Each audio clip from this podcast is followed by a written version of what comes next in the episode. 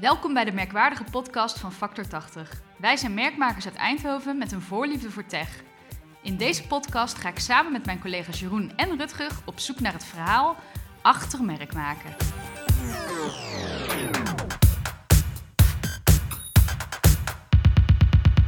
Oh, we lopen al. Of niet? Oh, serieus? Oké, dus het muziekje... dat doet hij altijd. Ja, Hij heeft het idee dat hij iets stiekems van ons kan opvangen. Everything you say can and will be used against you. Oh.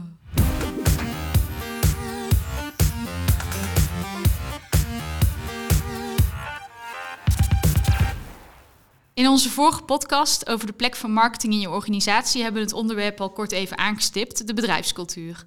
Want het maken van een merk is iets wat door de hele organisatie eh, gedaan zou moeten worden. Eh, en niet alleen maar iets wat het speeltje van de afdeling eh, marketing zou moeten zijn. En het maken van je merk is wat ons betreft onlosmakelijk verbonden met je bedrijfscultuur. Want een merk maken doe je op basis van je drijfveren of je merkwaarden. En die zitten, als het goed is, ook ingebakken in de cultuur op je werkvloer. Dus Jeroen, ik ga jou vandaag weer moeilijke vragen stellen. As usual. Ja, ja. Eh, eerst beginnen we met een eh, chicken egg, kip-ei. Ja. Wat is er eerder, je merk of je cultuur? Want vandaag gaan we het hebben over de bedrijfscultuur. Dat eh, vind ik een le- leuke vraag, ook toen ik hem, toen ik hem las. Want ja, uiteraard bereid je het altijd netjes voor. Heel fijn. Ehm, en de vraag is natuurlijk een beetje... Als je start als clubje mensen die een bedrijf gaan beginnen... of als een één persoon, heb je als één persoon heb je dan al een bedrijfscultuur. Mm, Deels, denk ik, want je hebt je, je eigen drijfveren, je eigen kernwaarden. En dan heb je meestal nog niet een, een merk naar buiten. Je hebt geen labeltje, je hebt geen drijfveren. Dus theoretisch, nee, praktisch denk ik, zou ik zeggen dat de bedrijfscultuur er altijd net iets eerder is. Maar ehm, de vraag is. Heb je dan al een cultuur of is het een cultuur in wording? Ik weet nooit, dat is, een, dat is een filosofische vraag, maar wanneer Ja. is een cultuur een cultuur? Ja, maar is je merk ook niet dan, omdat het zo met elkaar verbonden is, dus je, wat kan, kan er één ding als eerder zijn? Want omdat het zo verbonden en het is zo met elkaar eh intertwined, zoals we de vorige keer zeiden. Ja, daar ben ik het ook helemaal mee eens. De, de nuance die ik daar wel wil maken, Mhm. eh, die we wel vaker zullen gaan maken, is dat we het hebben over B2B-bedrijven Ja. met kennis- of mensintensieve organisaties. Ja. Die, eh, waar de mensen ook heel veel contact hebben met de buitenwereld. Ehm, en nee, ik, de- ik denk eigenlijk niet dat er eentje de eer de eerste is. De, de vanuitgaande dat een cultuur ontstaat en dat een cultuur zich vormt, Ja. een merk vormt zich ook. En die twee die moet je volgens mij op elkaar zien af te stemmen dat ze Ja. elkaar versterken. ja, want over het algemeen heeft je merk en zowel, en zowel je cultuur een beetje dezelfde eh, waarden en drijfveren. Of zeg maar, dat wordt... Diezelfde met- ja, basis die zou voor Ja. zowel je merk als je bedrijfscultuur moeten eh, gelden. Ja, En dan is het een beetje de vraag, ehm, in het kader van wat is belangrijker, ga je je, eh, je bedrijfscultuur aanpassen op je merk of ga je je merk aanpassen op je bedrijfscultuur? En als je kijkt hoe moeilijk het is om mensen te veranderen, dan zou je zeggen dat je eerder je merk een klein beetje bijschaaft en bijstuurt op basis van je cultuur, Ja. dan dat je eh, je bedrijfscultuur gaat aanpassen op je merk. Maar dan is het een beetje de vraag van ja, als je merk in de markt eh, een oudbollig imago heeft en je wil als ondernemer wil je een slag maken naar de toekomst, toekomst klaar zijn, dan zul je er dus voor moeten kiezen dat als je je merk aan de buitenkant eh, oppoetst of aanscherpt Ja. of verfrist of iets dergelijks, dat je daar in je cultuur ook eh, gevolg aan moet geven en dus opvolging aan moet geven om die Ja. cultuur, cultuur een beetje ook te kantelen. En dat betekent dus dat dingen ja anders gedaan moeten gaan worden. Ja. En ehm, om dan ook maar met een voorbeeld te beginnen, dat zag je, ik weet niet meer hoe lang het geleden is, maar ik denk een jaar of vijf, zes, zeven geleden, toen de ethos eh, een aanscherping van hun merk heeft gedaan. Het was ook het, de, de periode dat ze naar een geschreven Ja. eh, Ja. letter zijn gegaan vanuit dat statische fond. ja, Dat heeft ook met zich meegebracht dat volgens mij iedere medewerker een ontzettende training, cursus, opleiding heeft gehad in dienstverlenendheid en eh, servicegerichtheid. Dus daarin zag je dat ze dat menselijke en dat adviesvaardigheden, dat wilden ze in hun merk stoppen. Maar hebben dat dus te, ultiem doorgetrokken door dat ook daadwerkelijk eh, bij de mensen tussen de oren te krijgen, dat ze Ja. dat ook gingen leven. Mhm. Ja, dan, dan eh, rijst bij mij dan de vraag van hoe belangrijk is die cultuur dan voor je organisatie? Als je inderdaad net als Ethos die gaat trainingen geven. Ehm, hoe belangrijk is cultuur in je organisatie dan voor je merk? En is het dan wel trainbaar? Eh, dat, Dat zijn, eigenlijk dat twee zijn vragen. vragen. Ja, doe maar eerst die eerste. Hoe belangrijk is je cultuur? ja, Nou ja, cultuur, cultuur is er. Ja, Punt. ja. Maar, Dus hoe belangrijk die is voor je organisatie, dat is een gegeven. Die is er. ja, maar niet ehm, elk bedrijf investeert daarin om die cultuur goed te houden of om die te laten leven. Of, Nou, wat, wat volgens mij. het is niet meetbaar, zeg maar. Nee, de, en wat ik dan belangrijk vind, hij is niet. Ze sturen er niet op. Nee. En volgens mij is dat het belangrijke wat we proberen te doen met eh merkwaarden definiëren. Of kernwaarden definiëren, of je merkkompas maken, maakt niet uit welk naampje je eraan geeft. Wij gebruiken merkkompas. Als je je merkkompas helder hebt, dan krijg je daarmee een eh, stuurelement om ervoor te zorgen dat je eh, blijft sturen, dat zowel je cultuur als je merk diezelfde dingen blijven ondersteunen, ademen, uitstralen, dat het uit alle poriën van je organisatie komt. En volgens mij kun je dat alleen maar als je dat een keer vastlegt. Niet als zijnde, we gieten het in beton, want het mag nooit meer aangepast worden, maar wel op een dusdanige manier dat het je aan de ene kant spelingruimte geeft om leuke dingen te blijven doen, maar aan de andere kant wel voldoende richting Ja. heeft om eenduidig te zijn en eenduidig te blijven. Want dat is volgens mij wat je in die end wil met je merk en dus ook met je bedrijfscultuur, dat het herkenbaar is. Ja. Zowel voor je collega's, want je vindt het fijn als iedereen diezelfde kant op blijft bewegen. Ehm, dat maakt het, denk ik, het onderlinge afstemmen tussen afdelingen ook veel makkelijker. Ja. En naar buiten toe, ja, dat is logisch dat, dat je daar die herkenbaarheid wil creëren. Dus eigenlijk, ehm, als we zouden moeten pinpointen waarom het zo belangrijk is dat je merk en je cultuur eh, overeenkomen, dan gaat het om eenduidigheid en herkenbaarheid van je merk. En ook dat je werknemers zich prettig voelen. Ja, en dan, en dan is de vraag die je dan ook deels meteen beantwoordt. ehm, nieuwe medewerkers aantrekken. Mhm. Dat is je cultuur in een, soort van in de etalage zetten. Ja.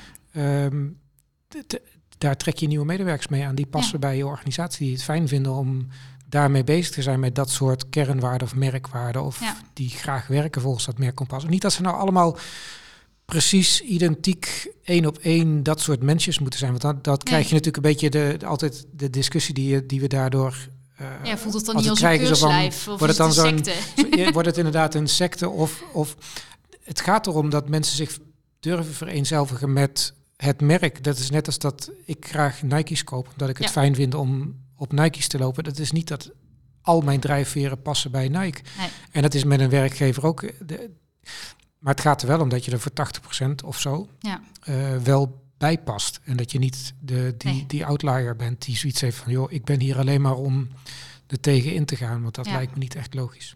Want wat doe je eigenlijk als dat het geval is? Want je hebt natuurlijk eh, hele grote bedrijven eh, waarbij de cultuur als een soort los zand aan elkaar hangt. Dat het op de ene afdeling anders is dan op de andere afdeling. Hoe, hoe zou je dat praktisch gezien kunnen bewerkstelligen? Want als het zo belangrijk is dat het allemaal op een beetje op elkaar af is gestemd. En niet in de zin van dat iedereen hetzelfde doet en denkt, maar wel dat iedereen dezelfde drijfveren en merkwaarden heeft eh, in zijn eh, cultuur. Ja, hoe je dat doet, dat, Ja. dat is Ja. heel veel communiceren. ja, daar hebben we nogal drie uur voor nodig. Nee, ja. kijk, het, het grote gezegd is volgens mij, eh, ehm, wat je meet, daar, daar kun je op gaan sturen. Of waar, waar je op stuurt, dat kun je Ja. gaan meten.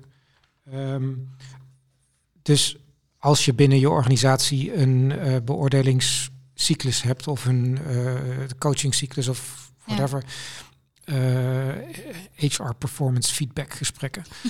Ehm, X buzz- data, O buzzword. data.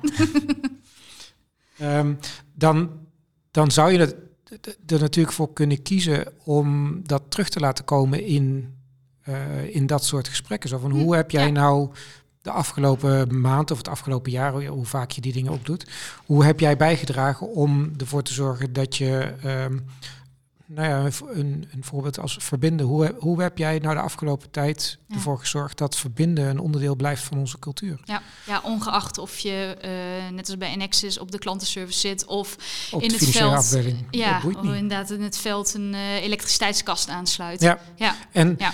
Tuurlijk, dat zal voor een hoop mensen misschien wat zweverig overkomen. Van ja, daar kan ik geen kruisje bij goed, Nee, beter of best zetten. Ja, meetbaar is het niet helemaal, maar, nee, maar ja, het, het, gaat er, het gaat er ook niet per se om dat het meetbaar als in verslagleggingbaar Mhm, ja. is, maar wel ehm, dat je erop kunt sturen of mee kunt sturen. En ik denk ook dat cultuur. Ja, kijk naar de Nederlandse cultuur. Heb jij een idee hoe je daar iets meetbaars van zou moeten maken? Nee, nee, Nee, ja. nee. Dus, en dat is denk ik met een bedrijfscultuur precies zo. Maar als je Ja. ervoor zorgt dat je een aantal kernwaarden die belangrijk zijn, ehm, iedere keer maar blijft herhalen, ja, dan, dan ontstaat dat gedrag vanzelf. Ja. En ik denk dat een financiële mens die ehm zoiets heeft van wat heb ik nou te maken met klant of met merk of met cultuur, ook als je ah, daar het neerlegt van joh, verbinden is voor ons van belang. ja, Hoe doe jij dat nou?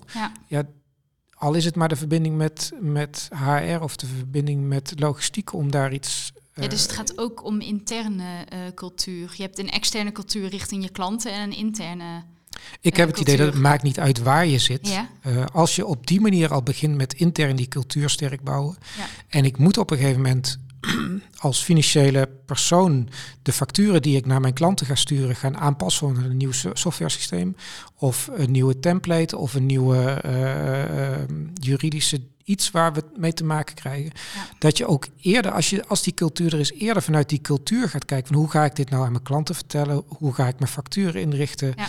Eh, hoe maak ik ook op die factuur bijvoorbeeld, hoe doe ik daar iets met verbinding Ja. op welke manier dan ook? Hè? Want dat is voor iedere organisatie is dat anders.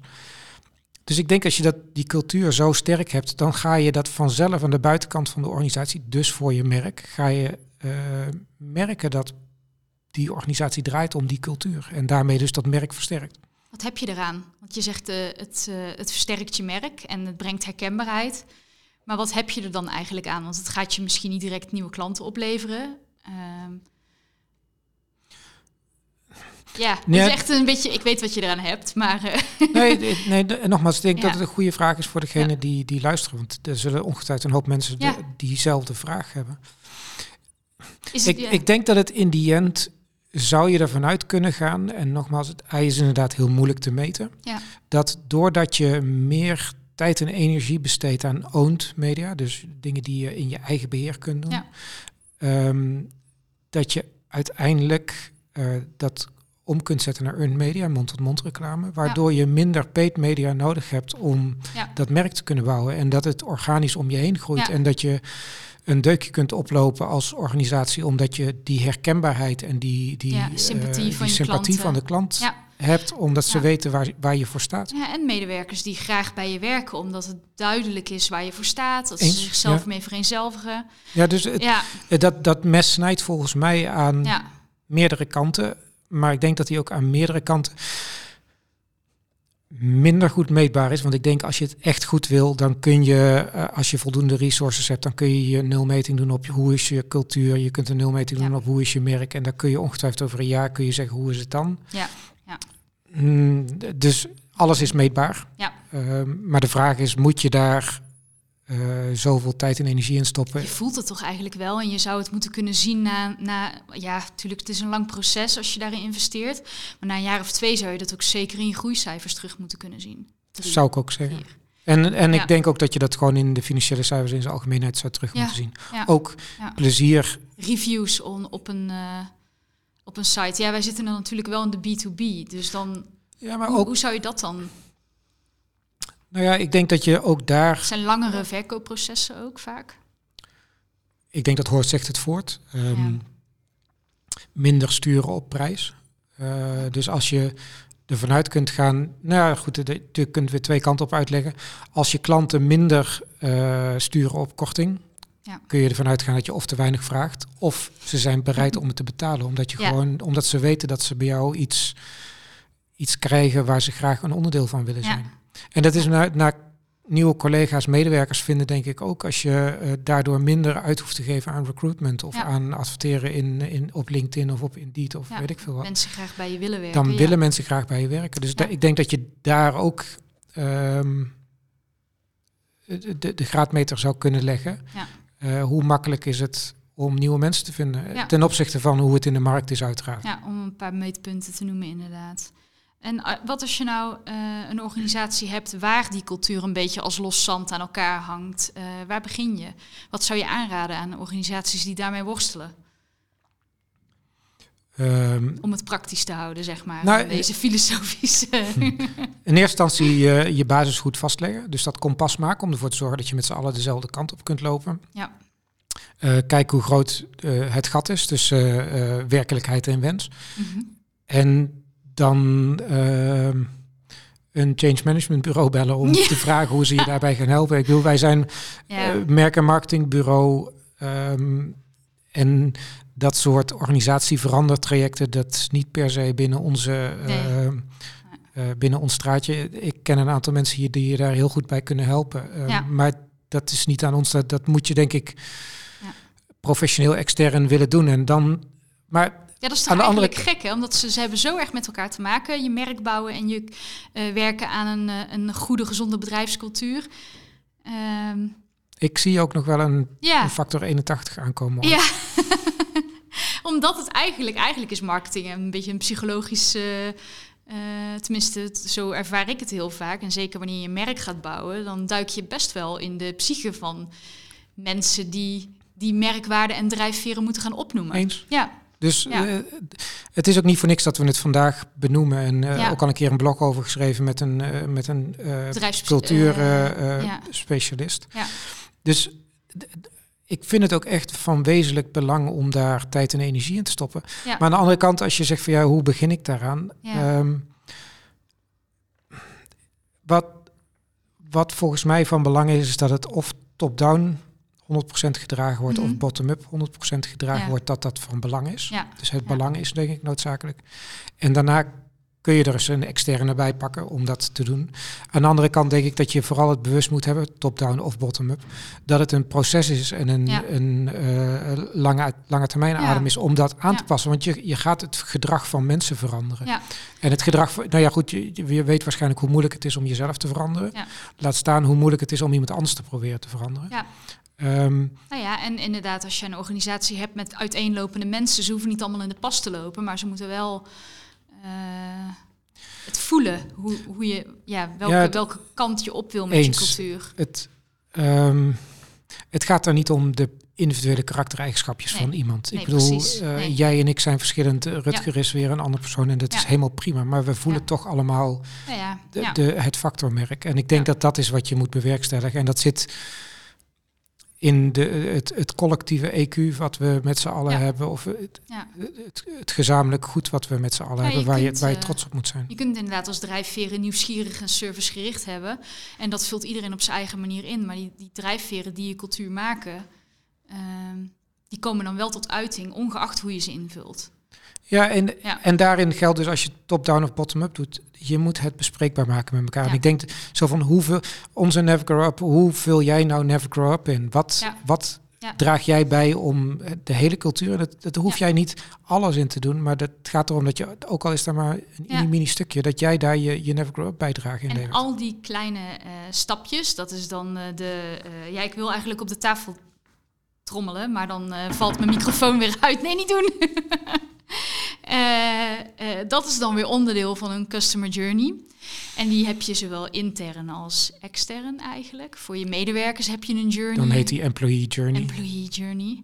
Eh, nee, maar wat je net zegt inderdaad, van hoe ga je eh, bijvoorbeeld onze merkwaarde Never Grow Up laden in alles wat je doet.